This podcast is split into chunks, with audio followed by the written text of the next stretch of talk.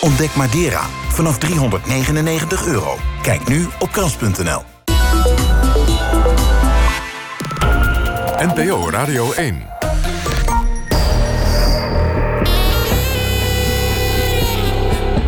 Argos. Onderzoeksjournalistiek van Human en de VPRO. Tessel Blok. Goedemiddag, welkom bij Argos. Wat als het steentje dat jij wegschopt een lawine veroorzaakt? Het overkwam de Transavia-piloten die getuigden tegen hun collega Julio Potsch. Tijdens een etentje hadden ze van Potsch gehoord dat hij betrokken was geweest bij de dodenvluchten, waarbij tegenstanders van het Argentijnse militaire regime levend uit vliegtuigen werden gegooid. Het gevolg: Potsch zat acht jaar in Argentinië in voorarrest, maar de strafzaak tegen hem bleek op drijfzand gebouwd. Eind 2007 werd Potsch volledig vrijgesproken. Daarna kregen de getuigen er in de media flink van langs. Ze werden uitgemaakt voor verraders en matenaaiers. Drie van hen, Tim Weert, Jeroen Wiedenhof en Edwin Reinoud Brouwer, spreken nu voor het eerst na de vrijspraak. Ze staan nog steeds achter hun woorden, maar voelen zich zwaar gepiepeld door het Openbaar Ministerie, dat volgens hen waardeloos onderzoek heeft gedaan. Luistert u naar het interview van collega Erik Arends met hen, de drie getuigen in de zaak Julio Potsch.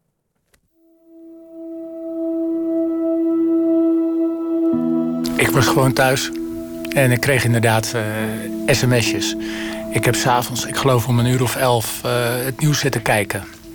En toen zag ik uh, dat de heer Potsch was vrijgesproken. Ik, ik, had die avond een vlucht. Ik weet niet meer waar, waarheen. In ieder geval terug naar Amsterdam. En na de landing hoorde ik van de vrijspraak. En welk gevoel kreeg u toen? Nou... Gelukkig? Ja. Fantastisch. Goeie zaak. Ja? Ja. Ja als, er, als er niets is wat aantoont dat Julio betrokken is geweest bij wat dan ook... dan is vrijspraak de enige juiste uitspraak. Want we hebben vanaf het begin af aan altijd gezegd... als dit het enige is waarvoor Julio is opgepakt... een gesprek dus op Bali... dan hebben we altijd gezegd, die man moet meteen naar huis. Het is al te zot voor woorden dat hij überhaupt is opgepakt natuurlijk. Vanwege zo'n gesprek. En uh, het Openbaar Ministerie heeft lang genoeg de tijd gehad om te kijken of ze bewijs konden vinden. Hebben ze niet kunnen vinden. Uh, het begon er uh, op te lijken dat alles toch gebaseerd was op onze verklaringen. En ja, dat, dat is nooit uh, in ieder geval mijn bedoeling geweest en de bedoeling van mijn collega's. Dus, Wat niet? Nou, het is nooit de bedoeling geweest om de heer Potsch uh, ja, hoe zeg je dat? Op de knopen? Nee, tuurlijk niet. Nee, het, het was voor mij meer, uh, dit moet uitgezocht worden. hij heeft een raar verhaal verteld. That's it. En jaren later heeft het een, uh, een hele andere wending gekregen. Eindelijk willen ze praten. Gezagvoerders Tim Weert, Jeroen Wiedehof en Edwin Reinhard Brouwer. Drie piloten van Transavia die getuigen waren in de spraakmakende zaak tegen hun Argentijns-Nederlandse collega Julio Potsch. Urenlange gesprekken kosten het om ze zover te krijgen. Ze vertrouwen journalisten niet meer, na alles wat er is gezegd en geschreven over hun rol in de zaak Potsch.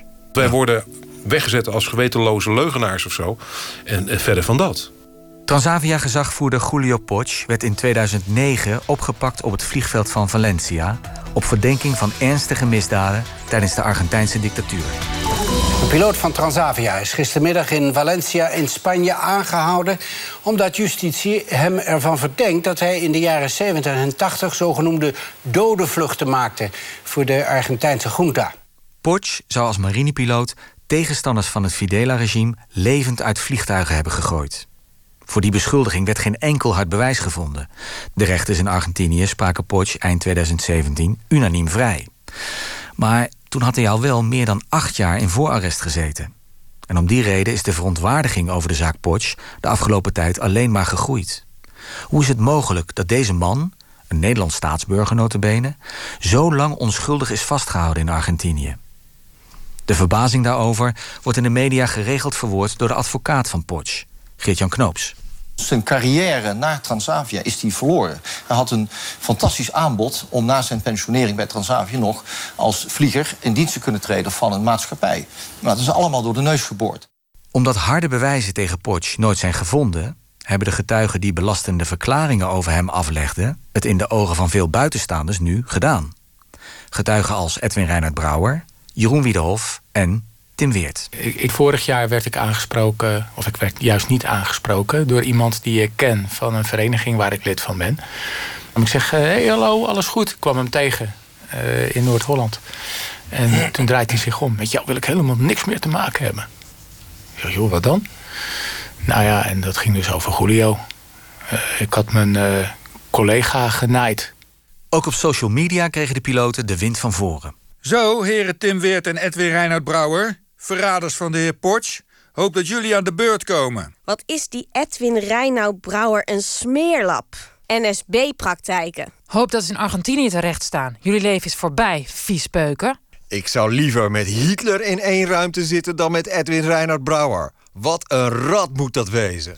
Het zit ze erg dwars, die reacties. En daarom hebben ze uiteindelijk ja gezegd tegen mijn voorstel voor een interview. Ze willen uitleggen waarom ze tegen Potsch hebben getuigd. En waarom het beeld dat veel mensen van hen hebben niet klopt. Maar ook waarom ze morgen opnieuw zouden getuigen als zich een soortgelijk geval zou voordoen. Ik kan mezelf in ieder geval recht in de spiegel aankijken. Want ik vind dat als mensen herhaald in verschillende settings dit soort verhalen vertellen, dan rechtvaardigt dat een onderzoek. Tegelijkertijd wil ik de piloten graag spreken om meer te weten te komen over de rol die de Nederlandse en Argentijnse autoriteiten in de zaak Porsche hebben gespeeld. Hoe kon deze zaak zo vreselijk mislopen? Met als gevolg dat iemand acht jaar onschuldig vast heeft gezeten. In november vorig jaar onthulden we al dat de Nederlandse politie aanvankelijk weinig zag in de zaak. Maar dat ze er toch mee aan de slag ging nadat de toenmalige minister van Justitie, Ernst Hirschballin, daar persoonlijk op had aangedrongen. Potsch eist nu 5 miljoen schadevergoeding van de staat, omdat de Nederlandse overheid haar boekje volgens hem ver te buiten is gegaan. Tijdens het strafrechtelijk onderzoek, tijdens zijn arrestatie en uiteindelijk ook bij de uitlevering via Spanje aan Argentinië. Door nu met deze drie getuigen terug te blikken, hoop ik de hele zaak beter te begrijpen en te achterhalen waar het precies verkeerd ging. U wilt horen dat wij Blijkbaar. ons misbruikt voelen? Of genaaid? Of iets dergelijks. Maar vind ik wel een beetje vies woord allemaal. ik ook. Maar je mag het toch wel zeggen. Nee, want ik wil het eigenlijk wel horen. Ja. ik wil, horen, ik, wil horen wat jullie voelen. Ik wil horen wat jullie voelen. Ik denk dat bizar. ja. Nou, ik vind het bizar. Gewoon, gewoon laten bungelen ook, hè? Zo voelt het. Zo voelt het, ja. hoe hadden ze dat, kunnen voorkomen dan? A, nou, door beter onderzoek te doen. Of in ieder geval uh, serieus onderzoek te doen. En in een eerder stadium kritische vragen te stellen. Ook in een eerder eh, stadium uh, Julio de gelegenheid te geven om zich te verweren. Het begon natuurlijk allemaal in het restaurant op Bali in december 2003. Poch zit daar met een groep Transavia-collega's aan tafel en het gesprek komt op een gegeven moment op de dictatuur van het Videla-regime in de jaren 70. Gezagvoerders Tim Weert en Edwin Reinhard Brouwer horen hun collega Julio Poch het beleid van de Argentijnse junta van destijds vol overgave verdedigen. Inclusief de zogeheten dode vluchten, waarbij tegenstanders van het regime levend uit vliegtuigen werden gegooid. Sterker, ze raken ervan overtuigd dat Potsch hier zelf aan heeft meegedaan. Dat vertellen ze jaren later ook bij Pauw en Witteman. Het was gek om te zien, maar aan de overkant van de tafel... en daar bedoel ik dus uh, Julio mee, verstrakte en zei... We threw them in the sea. Out of the blue. Ik heb mezelf even bij elkaar moeten pakken. Als iemand zo'n verandering ondergaat en zo'n verhaal vertelt... en je daar uh, ja, voor jezelf een bepaalde conclusie aantrekt. Welke conclusie was dat? Ik, ik trok de conclusie van jij moet hierbij betrokken zijn geweest. dat was gewoon de manier waarop je het vertelde. Ook nu zijn ze er nog steeds van overtuigd dat ze hebben gehoord wat ze hebben gehoord. En of Potsch nu wel of niet letterlijk heeft gezegd dat hij er zelf bij betrokken was, in elk geval heeft hij zeer sterk die indruk gewekt, zeggen Weert, Reinhard Brouwer en Wiedehof. Bovendien waren er toen ook andere Transavia-collega's... die in andere situaties tot de slotsom waren gekomen... dat Porsche vuile handen had gemaakt. Dat hebben we meerdere keren teruggehoord. Eh, Dat is meestal dan in een winderige parkeergarage... waar je knal op je schouder krijgt. Hé hey Ed, ik zou je wat vertellen. Maar eh, nou, dan komt het weer. En dat is niet één keer hoor. En ook dat niet- zijn vele keren. Ja. Er waren vermoedens in ieder geval dus. Bij, bij, Ja, er, eh, er, er werd al lang over gesproken. Hij had, had zelfs een bijnaam en de, er werden grappen over gemaakt. Dus, Wat voor grappen dan? Ja, dat een purser eh, naar me toe kwam en die zei... jongens, we vliegen vandaag met Julio, niet te dicht bij de deur zitten. En, dat, dat, en eh, dan komt zo'n man dat dus aan mij vertellen. Ik vraag daar niet om. Ze komen naar mij toe. Ja, dus die verhalen gingen al erom. Jazeker. Groente Julio. Nou ja. Groente Julio. Ja, nou kijk, het, het- alles bij elkaar. En dan krijgen wij dat nog een keer voor ons kiezen. Mag je dan zeggen van, nou jongens, kijk daar eens even naar. Ja. En daarna gaat bij mij de deur dicht en is het klaar. Kijk, en wat er daarna allemaal gebeurd is. Ja, als je dat had voorzien.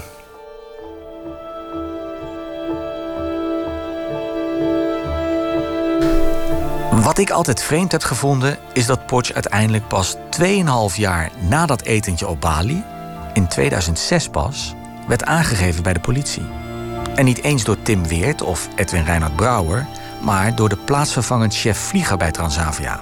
Een collega die helemaal niet bij dat gesprek op Bali was. Jammer genoeg wil deze collega hierover niets meer in de media zeggen. Weert en Reinhard Brouwer wel. Waarom heeft u in 2003 dan zelf geen aangifte gedaan? Omdat ik geen bewijzen heb van het feit dat de, de beweringen van de heer Potsch kloppen. En wat ik wel gedaan heb, is een melding gedaan bij eh, het onafhankelijk vertrouwensteam Burgerluchtvaart. En ik weet dat op het moment dat daar meer meldingen binnenkomen over een persoon, dan gaan zij onderzoek doen. Oké, dus u dacht, ik, ik meld het daar en, en dan, dan, dan is het in goede handen. En als er niks meer gebeurt, nou, dan is er kennelijk niks aan de hand of zo. Het, het lijkt mij ook dat dat voor een vlieger eh, het bureau is, of hoe noem je dat? Het loket is waar het eh, thuis hoort. Tim Weert vond dus dat hij geen bewijzen had en stapte daarom destijds niet zelf naar de politie. Toch krijgt Weert een paar jaar later een cruciale rol in de aangifte tegen Potsch. Het is 2006 en Weerts collega Edwin Reinhard Brouwer heeft een vlucht met die plaatsvervangend chef vlieger van Transavia. En tijdens die reis vertelt Reinhard Brouwer deze chef wat Potsch, volgens hem, op Bali heeft gezegd over de dode vluchten. Want ik had toen ook al aangegeven. Ik zei, nou, daar hebben we wel eens een paar eh, vervelende gesprekken mee gehad. En toen heb ik dat verhaal gewoon verteld. Van wat wij hebben meegemaakt op Bali. En hij is zich dat ook eh, persoonlijk eh, enorm aangetrokken. En eh, hij, hij, hij vond dat daar wat mee moest gebeuren. De plaatsvervangend chef vlieger wendt zich vervolgens tot Tim Weert.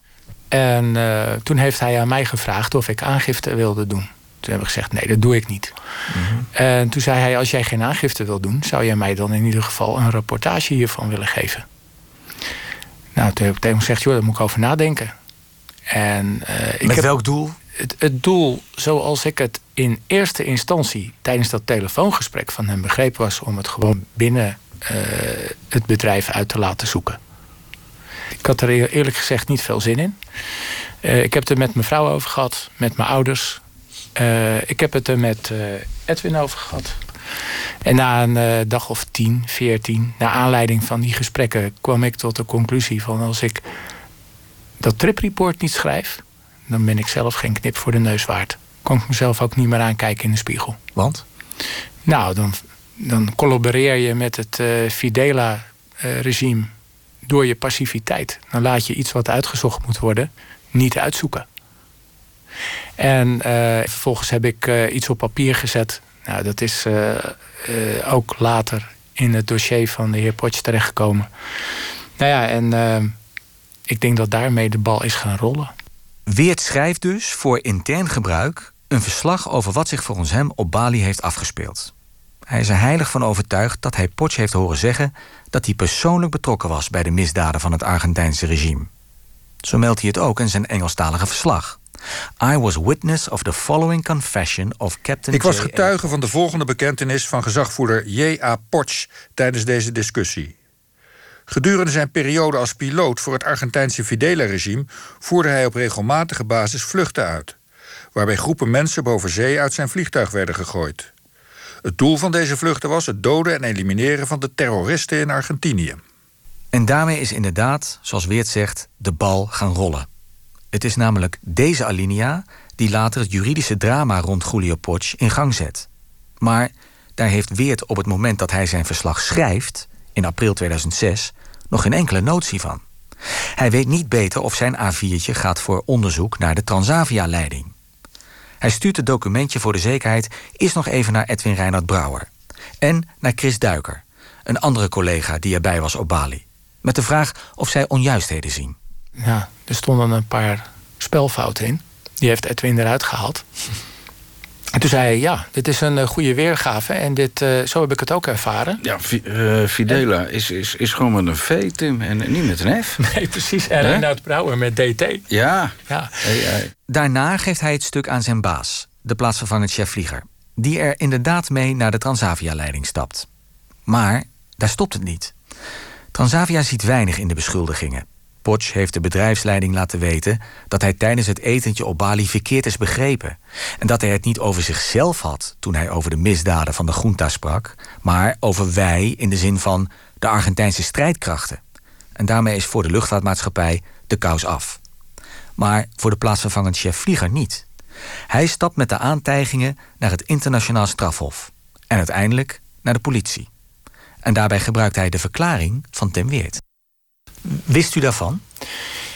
Daar heeft hij mij inderdaad wel van op de hoogte gesteld. Dat hij het wilde laten uitzoeken. En wat vond u daarvan? Ik vond daar eigenlijk niet zoveel van. Ik heb zoiets van, zoek het uit. Dit, Ja. dit moet uitgezocht worden. Ja. Kijk, het gaat om hele zware eh, aantijgingen. Mhm. En eh, ja, als iemand van het managementteam vindt dat dit moet gebeuren, prima. Zo belandt het verslag dat Weert heeft geschreven voor intern gebruik uiteindelijk op het bureau van het Team Internationale Misdrijven van de politie. Met alle gevolgen van dien. Het gewicht wat hier uiteindelijk aan is komen te hangen, met de kennis van nu, eh, is eigenlijk waanzinnig. Ja. Als ik op het moment dat ik het schreef geweten had dat het een juridische status zou krijgen, Ja. eh, dan, eh, ja, dan, dan was het zeker een eh, ander document geworden. Zegt u dat had ik anders opgeschreven als ik had geweten dit gaat naar de politie?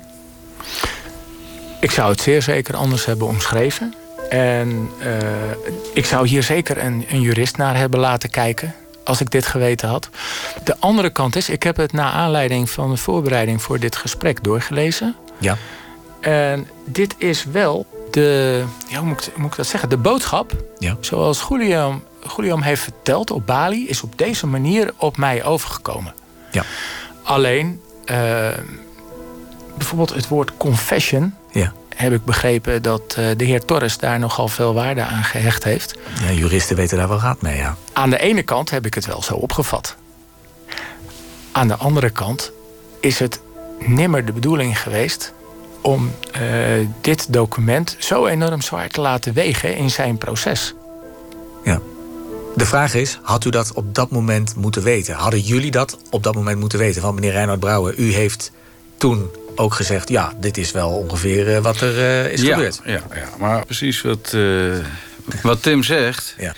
Natuurlijk, als je het nu leest, denk ik, ja, ja, ja, goed. Maar toen las je het gewoon door en eh, je bent met iets anders bezig. Er zijn van een tripreportje. Daar hangt niet zoveel gewicht aan. Ik denk, nou, eh, ja, zus maar zo. Ja, ja, nou, oké, ja. Nou, dat klopt wel zo'n beetje, ja. U heeft op dat moment nooit Kijk, gedacht, I nee, confessed? eh, Nee, nee, natuurlijk niet. Hm. Als ik geweten had, ja, ja, ja. Hè? Maar dan pak je een juridisch stofkammetje... en dan ga je daar eens eventjes helemaal doorheen. Maar wat is dan daarvan de oorzaak? Is de oorzaak onder andere het idee dat dat is bestemd in eerste instantie voor een intern onderzoek? Jazeker. Heeft dat ermee te maken? Ja. Je verwacht natuurlijk niet dat dit uiteindelijk nog ergens komt te liggen...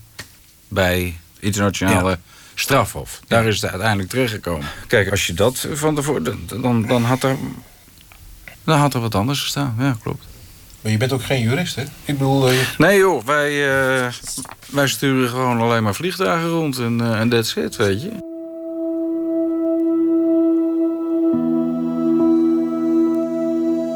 Meer dan twee jaar horen Weert en Reinhard Brouwer niets over de zaak. Ze zijn die hele kwestie alweer lang en breed vergeten...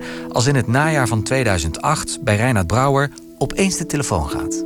Ja, ik zat trouwens geloof ik, weet ik veel, televisie te kijken of zo. Dat was uh, half tien, tien uur. En uh, hij belde. Hij? Een, een ja, regisseur? Het, het, ja, van de Nationale Recherche. Mhm. En die zei, ja, goedenavond meneer Reinhard. Ik denk, oh nee. eh. Want ik dacht namelijk, die gaan mijn auto in beslag nemen. Hoezo? ik heb weer te hard gereden. Ja, dat dacht ik eigenlijk. Ja, heel grappig. Maar ik dacht totaal niet aan Porsche, dus op dat moment. Maar daar bleek het dus over te gaan. Dus eh, ja, eh, u dient zich te melden bij een politiebureau in Amstelveen... Mhm. op 8 december 2008, 's middags om 1 uur. Dat was eigenlijk de mededeling. En, en, en zo voelde ik dat ook. Ik denk, oh, zo. Jemig, ik moet naar een eh, politiebureau. En eh goh.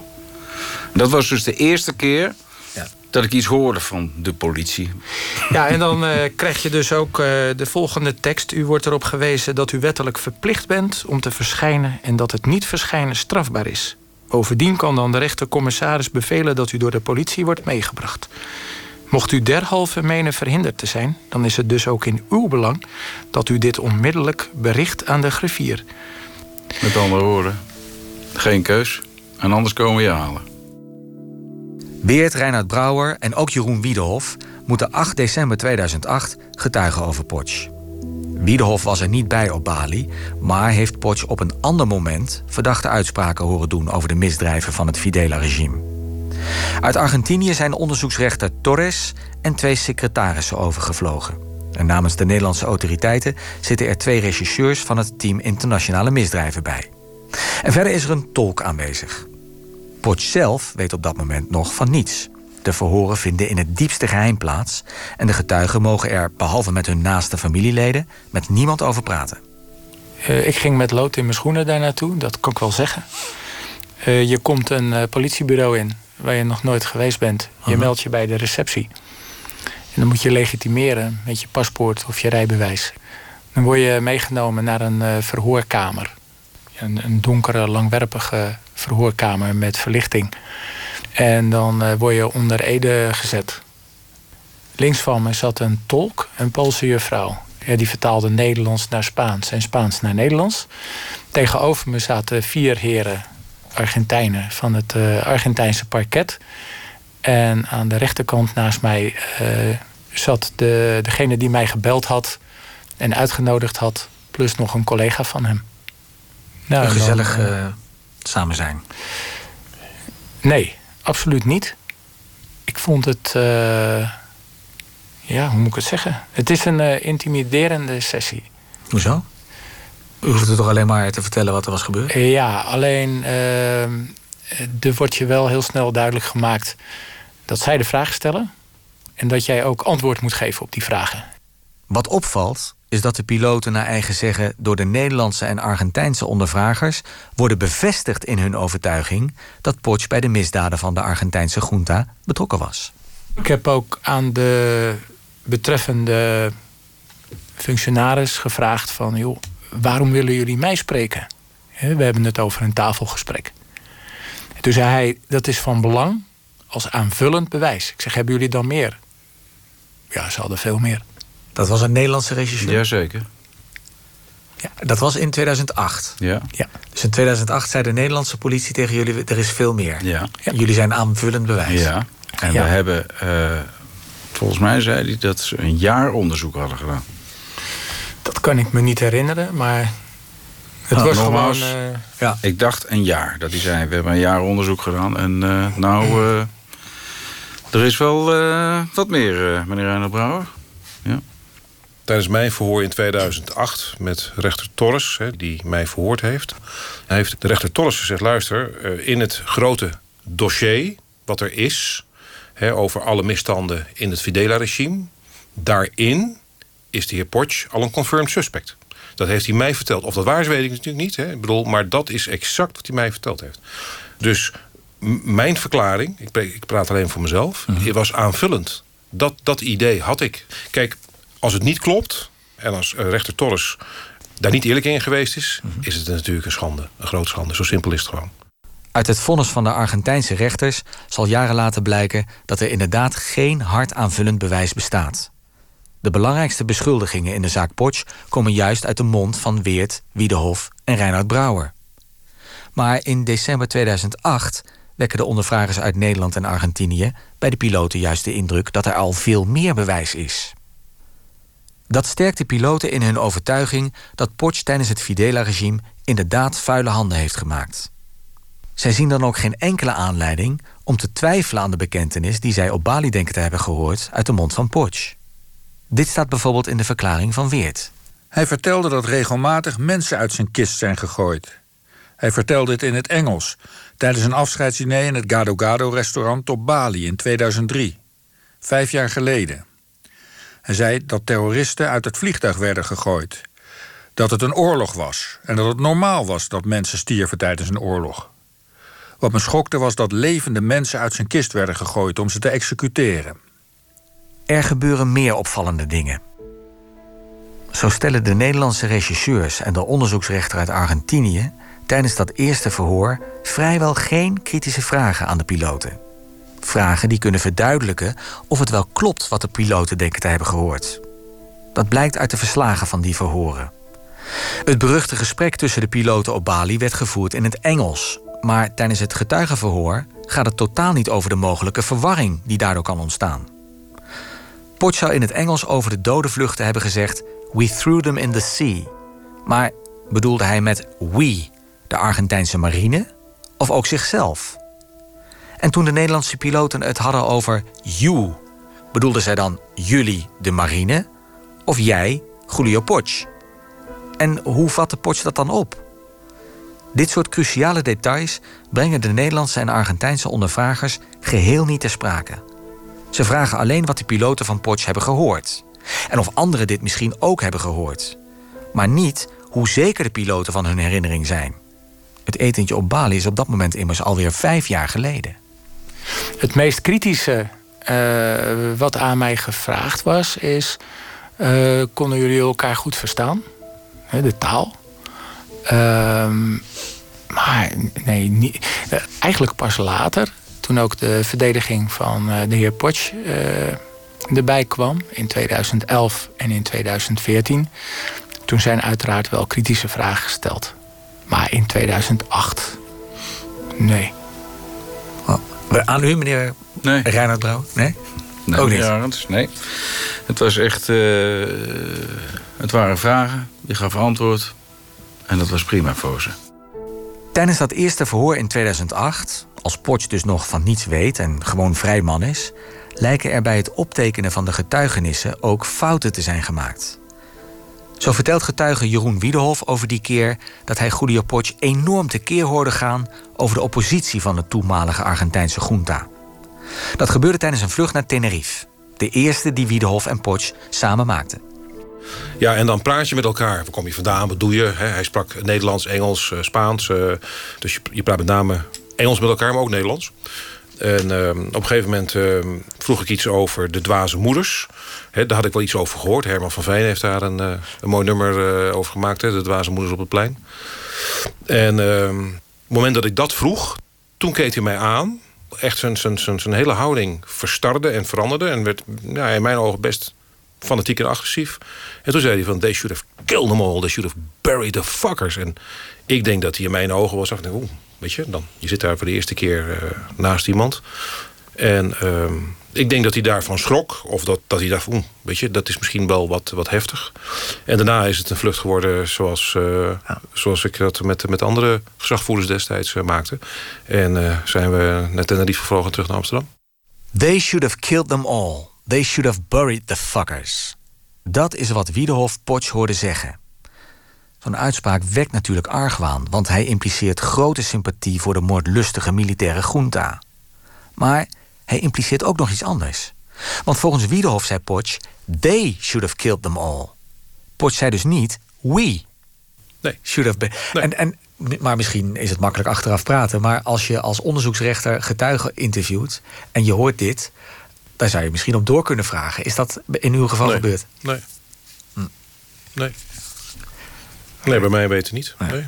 Nee, maar je zit daar aan tafel, zoals Tim het beschrijft. Hè? Uh, je zit daar aan tafel met twee regisseurs. Er zit een uh, griffier bij, een tolk en rechter Torres. Ja. En hij stelt vragen, je geeft er antwoord op. En dat wordt, dat wordt genotuleerd door de griffier. En, uh, is dat opvallend? Vindt u, maar, wat is opvallend? Nou, dat ze daar niet op hebben doorgevraagd. Nou ja, het, Want je wil weten, is Sports daarbij betrokken nou ja, geweest of niet? Ik, ik vind het sowieso, het begint al, ik vind het opvallend dat ik überhaupt gehoord ben. He, mijn verklaring uh, bewijst niks, dat, dat wat u terecht zegt. Dat, dat het verbaasde mij ook.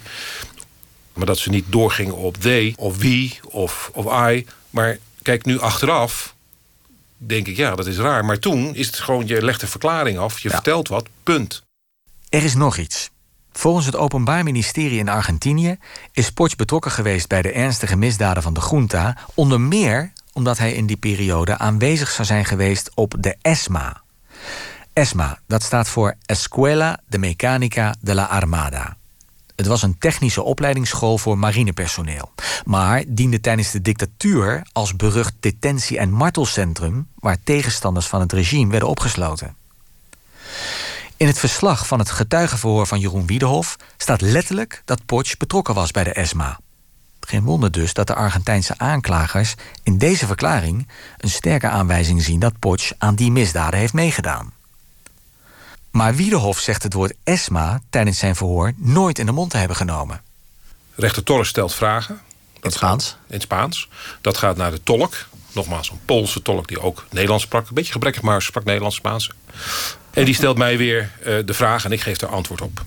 En die heeft mij de vraag gesteld of Julio een marinevlieger was. En daar geef ik antwoord op. Ja, dat, dat is die. Dus uh, in mijn verklaring, daar staat ESMA. Ja. Maar ik heb nooit het zelf over ESMA gehad. Never, nooit. Ik wist niet wat het was. Het kan wel zo zijn, maar dat weet ik niet meer precies... dat uh, Torres heeft gevraagd over ESMA... maar dan de volledige uh, uitleg. Hè? Dus Escuela, Mechanica, ik weet nog steeds niet waar het voor staat. Ja, ja. En dat de tolk dat te veel vond.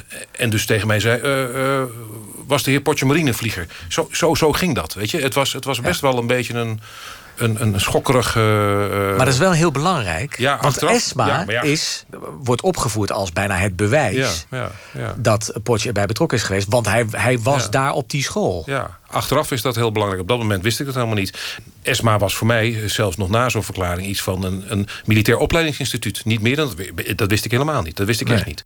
In het vonnis waarmee de Argentijnse rechters Potsch in 2017 vrijspreken... schrijven zij dat Potsch niet betrokken was bij de gruweldaden op de ESMA. En dat de aannames van de piloten op Bali berusten op misverstanden... die het gevolg zijn van het feit dat aan tafel Engels werd gesproken. Maar toen had Potsch dus al ruim acht jaar vastgezeten. Hadden de Argentijnse onderzoeksrechters en de Nederlandse regisseurs... hier niet veel scherper op moeten letten... Feit is dat de verwarring door het Engels en de verwarring door de vertaling van het Spaans naar het Nederlands in 2008 grote gevolgen heeft.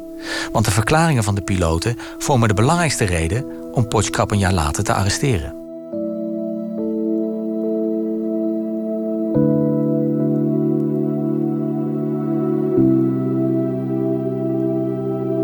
U luistert naar Argos, waarin drie piloten van Transavia terugblikken op hun rol als belastende getuigen in de zaak van hun collega Julio Potsch, die acht jaar gevangen zat op verdenking van ernstige misdaden tijdens de Argentijnse dictatuur, maar uiteindelijk door de rechters werd vrijgesproken. Als Potsch in september 2009 op de luchthaven van Valencia wordt gearresteerd, denken velen dat de Argentijnse Nederlander inderdaad een duister verleden heeft marinevlieger geweest tijdens de junta, verdachte verhalen die al langer over hem blijken rond te gaan onder zijn collega's. Maar er zijn bij Transavia ook piloten die het voor Potsch opnemen. Die zeggen dat hij helemaal verkeerd is begrepen en zelfs dat hij erin is geluisterd. En omdat het Openbaar Ministerie in Nederland en Argentinië verder geen harde bewijzen op tafel legt, keert ook het publiek zich langzaam maar zeker tegen de piloten die tegen Potsch hebben getuigd. Dus tegen Weert Wiedehof en Reinhard Brouwer. Maar die houden hun mond. Wij mochten niks zeggen van ons bedrijf. Aha.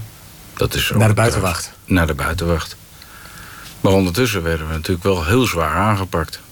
Ja. En zeker door uh, de Telegraaf. Dat werd een beetje een persoonlijk dingetje, heb ik het idee gehad. Die schreef ons echt gewoon de grond in. leugenaars en nou, ga zo maar door. Als je helemaal nooit wat kan zeggen, je kan niks terugzeggen, dan sta je wel tegen de muur aan, hè? Dat is wat mij het meeste stoort. Dat wij de verantwoordelijkheid in de media op ons dak gekregen hebben eh, van uh, de zaak Potsch.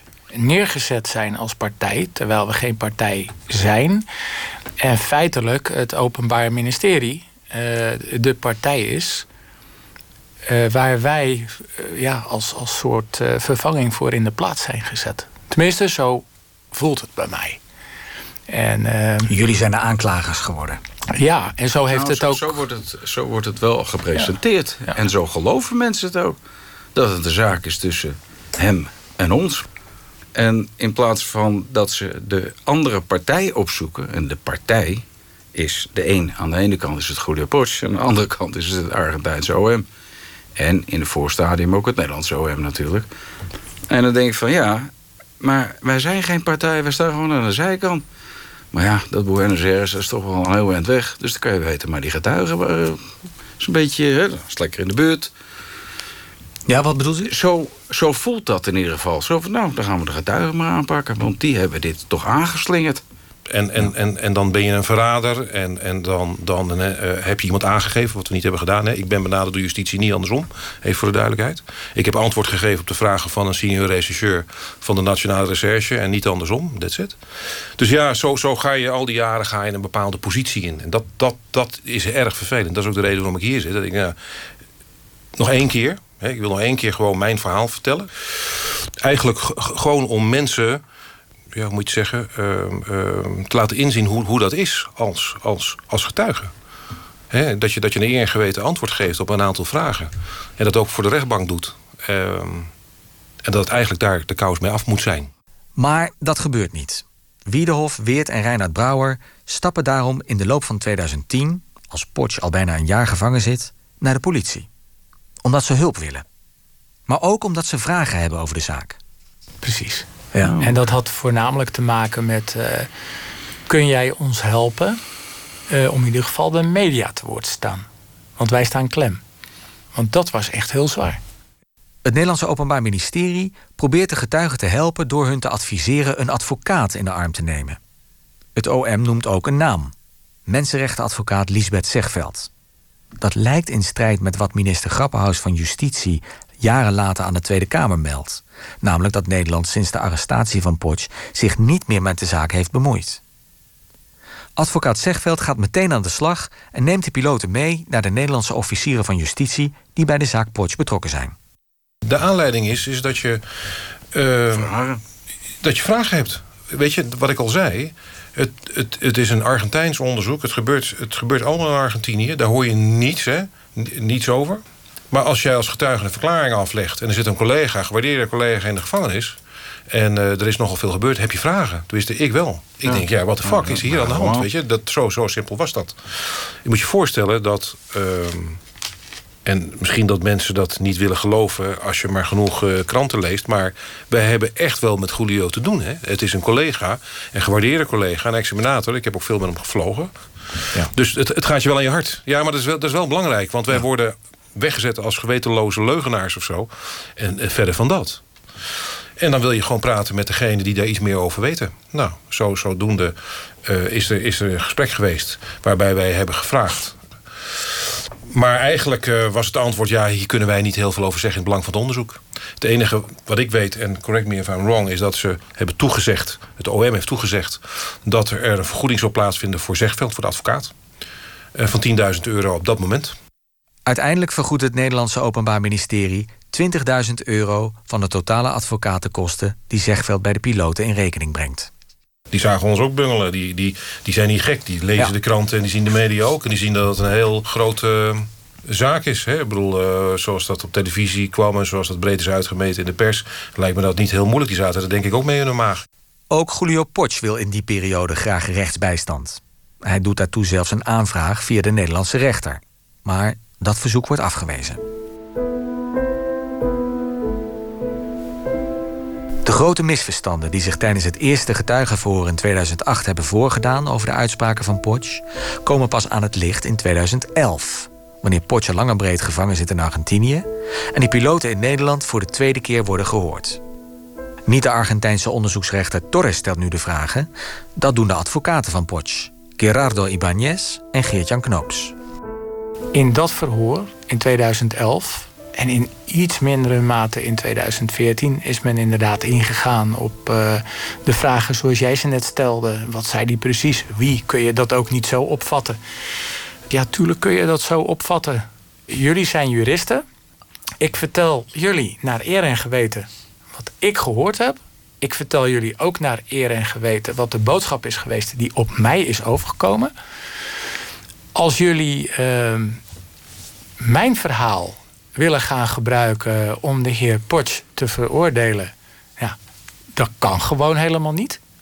Door een Heeft u dat zo gezegd? Nou, nee, zo heb ik het niet gezegd. Maar zo heb ik het wel ervaren. Ik heb ze wel verteld van dit is zoals het op mij is overgekomen. Ja. Dit is mijn verhaal geweest. Ik heb de vragen naar eer en geweten beantwoord. Precies. En that's it.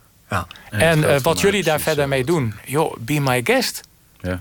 Als jullie verder niets hebben, ik zou het heel bizar vinden, ook heel, heel ernstig vinden. Ik zou die verantwoordelijkheid niet eens willen dragen.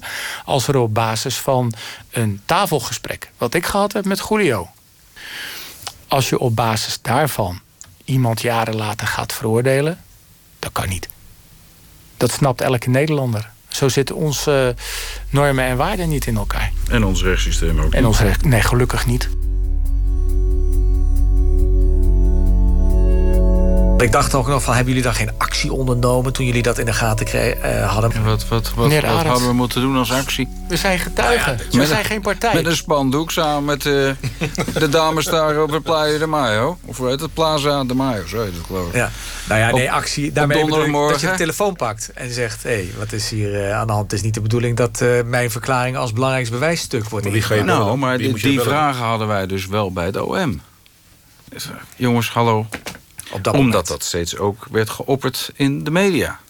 Natuurlijk krijg je dan zoiets van, uh, ja kom, dat meen je niet. Dat kan toch niet? Het werd, het werd door de jaren steeds meer duidelijk. Precies. dat ze niet meer hadden, weet je. Dan, Julio is volgens mij uh, onder bepaalde voorwaarden... borgtocht vrijgelaten en is later toch weer gearresteerd door Torres. Dus dan denk je natuurlijk als buitenstaander, want dat lees ik ook... dan denk ik, oh, dus daar moet er wel iets meer zijn. Dat is wat je dan denkt. Nou, dan duurt het weer een tijd en denk je, ja, dan hoor je weer niks. En dan ga je weer twijfelen aan van, wat is er dan? En, uh, en, en, zo gaat dat de jaren door. Dat de Argentijnen zeggen niks. Hè, en, dan, en achteraf blijkt er niks te zijn. En dan wordt hij unaniem vrijgesproken. Intussen neemt de kritiek op de piloten tijdens het voorarrest van Potsch verder toe. Ook al omdat Weert en Reinhard Brouwer alsnog interviews geven aan diverse media waarin zij de bekentenis herhalen die Potts volgens hem op Bali heeft gedaan. Het leidt tot stevige verwijten over en weer. Potts bijvoorbeeld noemt Tim Weert in het Algemeen Dagblad een fantast en zegt dat de broer van Weert zich bij Transavia-collega's voor Tim heeft geëxcuseerd. Iets dat Weerts broer in een sms aan Tim afdoet als allemaal leugens van Potsch. Ook zegt Potsch advocaat Geert-Jan Knoops in tv-interviews geregeld dat Argentijnse aanklagers misschien een mijneetzaak tegen Weert en Reinhard Brouwer aanspannen, omdat zij zouden hebben gelogen tegen de rechters. Maar Reinhard Brouwer toont een mail van het Nederlandse Openbaar Ministerie. waaruit blijkt dat de termijn waarbinnen een eventuele mijneetzaak in Argentinië kan worden aangespannen. al lang is verstreken. Maar het wordt wel steeds genoemd. En u vroeg mij net, wat irriteert u nou? Waarom zit hij nou dit irriteert mij. En uh, dus ik ben blij dat we dat nu eens eventjes gewoon kunnen zeggen. Dat is klaar. Volgens de piloten is er nooit sprake geweest van mijn eet. En wat ze ook dwars zit, is dat de buitenwacht ten onrechte denkt dat zij destijds de enige waren die als een soort gekke henkies in hun hoofd hadden gehaald dat Potsch betrokken was bij de ernstige misdaden in Argentinië. Dat beeld, zeggen de drie piloten, klopt van geen kant. Allereerst is er nog een vierde getuige die meent dat Potsch tijdens het diner op Bali op zijn minst de schijn heeft gewekt dat hij bij de misdaden betrokken was. Het gaat om Chris Duiker, een getuige die verder uit de publiciteit wil blijven. En verder zijn er nog de Transavia-collega's die naar de notaris stapten. Die lieten daar optekenen dat Potsch nooit tegen hen heeft verteld dat hij zelf heeft deelgenomen aan de dodenvluchten. Maar Weert Wiedehof en Reinhard Brouwer zeggen dat deze collega's destijds wel degelijk dezelfde vermoedens over Potsch hadden als zij. Ter bewijs laten zij tekstberichten zien die een van deze collega's stuurde aan getuige Chris Duiker. Ik hoorde dat jij ooit een gesprek met Julio hebt gehad tijdens een vlucht waarin hij heeft gezegd dat hij die vluchten heeft gedaan. Hij heeft dat in 2003 ook uitgebreid verteld tegen mij. Die vluchten, dat hij die vluchten heeft gedaan. Wat zegt dit volgens jullie dan? Hoe moet ik dit opvatten? Dat zijn geen chartervluchten die je bedoelt. Hij refereert hier aan dode vluchten. U knikt ja. Ik knik ja. Het is in ieder geval iemand die zegt meer, meer te weten van de zaak. In, in dit document. Ja. Ik schrok over de manier waarop hij fanatiek werd. Ik heb er toen niks mee gedaan. Maar ik heb tegen Edwin gezegd dat ik jullie heel goed kan begrijpen dat je dit gedaan hebt. Maar dat ik geen zin heb in dat mediacircus. Waarom is dit voor jullie dan van belang? Omdat het aangeeft dat niet wij niet de enige zijn. En dat, het wel, dat er wel degelijk eh, veel meer collega's zijn... eh, die hierover met de heer Potsch gesproken hebben. Maar deze persoon heeft dus bij de notaris verklaard... ik heb nooit Ja. gezegd dat Potsch tegen mij heeft verklaard... mensen uit vliegtuigen hebben gegooid. Ja. Dat maakt jullie pissig. Ik vind het verbazingwekkend. Dus, is, eh, eh, maar ik snap de angst, want dat is, eh, dat is allemaal angst. Mensen willen gewoon niet Nee. niks verklaren, niks zeggen. Ja, bij de notaris geweest. Ja, dat, dat, dat klopt. Dat is op aanraden van Knoops gegaan. Dus eh, ik vind het optiebarend, laat ik het zo zeggen. ja. Uiteindelijk is Potsch vrijgesproken van alle beschuldigingen. Hij heeft dan acht jaar daar va- vastgezeten als onschuldige. Als je alles afpelt, dan is die zaak begonnen met de verklaringen van jullie. Hoe voelt dat? Ja. Afschuwelijk natuurlijk. Ja, dat is Dat is niet zo moeilijk. De vraag stellen is een beantwoorden, meneer Arends. En hoe omschrijven jullie dan de manier waarop dit allemaal is gegaan? Ik vind het bizar. Want het geeft aan hoe ontzettend veel waarde er is gehecht aan het document waar we het over hadden. En het is bizar dat het eh, in Nederland mogelijk is dat iemand op basis van zulk eh, dun bewijs eh, tijdens zijn allerlaatste vlucht in het buitenland uit zijn vliegtuig wordt gehaald en vervolgens acht jaar lang niet meer thuis kan komen. En in verschillende landen, in verschillende cellen, zijn voorarrest moet afwachten. Ja, ik persoonlijk vind dat misdadig. Maar het- ja, dat mag ik misschien niet zo zeggen. Ik vind dat doe je niet. Ja, hier sluit ik me natuurlijk bij aan. Ja. En terecht. Dat is toch absurd. Eigenlijk wel dramatisch als je het zo achteraf bekijkt. Dat dat ene alineaatje zulke grote gevolgen eh, heeft gehad uiteindelijk. Ja, maar had het niet hoeven hebben. Want dan komen we weer op het Nederlandse OM. Waar ik dus een beetje boos op ben, zullen we maar zeggen. Dat, dat alineaatje, die brief, alles. Nee, het gaat erom, wat heb je aan bewijs? Wat is de reden waarom je iemand oppakt? Nou, en die politie of de Nationale Recherche... ja, die komt wel met eh, van... eh, je wordt eh, dan en dan verwacht in Amstelveen. Waarom heb ik die man nooit eerder gezien? Waarom is hij niet bij ons eens even thuisgekomen met, met zijn collega, ik noem maar wat? Dan waren dingen heel anders gelopen. Ja? Ja, dat denk ik wel, ja. Want dan hadden ze waarschijnlijk ook gezegd... ja, sorry hoor, maar hier kunnen we verder niks mee. Meneer Reinebrouw, fijne dag nog. Maar wij gaan naar huis en eh, tot ziens. Maar ik ga nog een stap meer terug. Ik vind dat we eh, nog ver voordat dit bij eh, ja, het pakket terecht kwam, intern had moeten worden gemanaged. Iedereen aan tafel roepen. Minimaal. Ja. Ik bedoel, eh, in elk bedrijf eh, gebeurt wel eens wat. En als er wat gebeurt in ons bedrijf, dan eh, worden normaaliter mensen gewoon eh, ja, bij elkaar geroepen en dan spreken ze het uit. Ja. Reino Brouwer. Ja, net wat Tim zegt. We hadden veel eerder bij elkaar geroepen moeten worden. En eh, bij wijze van spreken, krat bier op tafel of zo. En dan gaan ze even zitten. Wat is het allemaal voor gezeur? Ja, helaas. Niet gebeurd. En gedurende het hele proces hebben wij de druk op ons gehad van media, die eigenlijk op het Openbaar Ministerie had moeten liggen. Precies. Of bij de minister. En ik heb mezelf uh, achteraf, voel ik mezelf een, een bliksemafleider. Van? Van de instanties die echt verantwoordelijk zijn. En ik heb, en dat mag je eerlijk weten, uh, een stuk van mijn uh, vertrouwen, wat ik altijd toch wel gehad heb in, de, in het Nederlands systeem, heb ik verloren.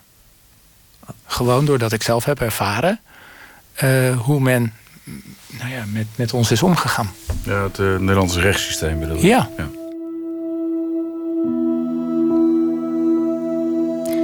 U luisterde naar een interview van Erik Arends. Alfred Koster was verantwoordelijk voor de techniek... en de eindredactie was in handen van Harry Lensink. Is hiermee het drama rond Julio Potsch klaar? Helemaal niet. Potsch eist genoegdoening en heeft de Nederlandse staat voor de rechter gedaagd. Dat proces begint eind deze maand en dat kan nog spannend worden.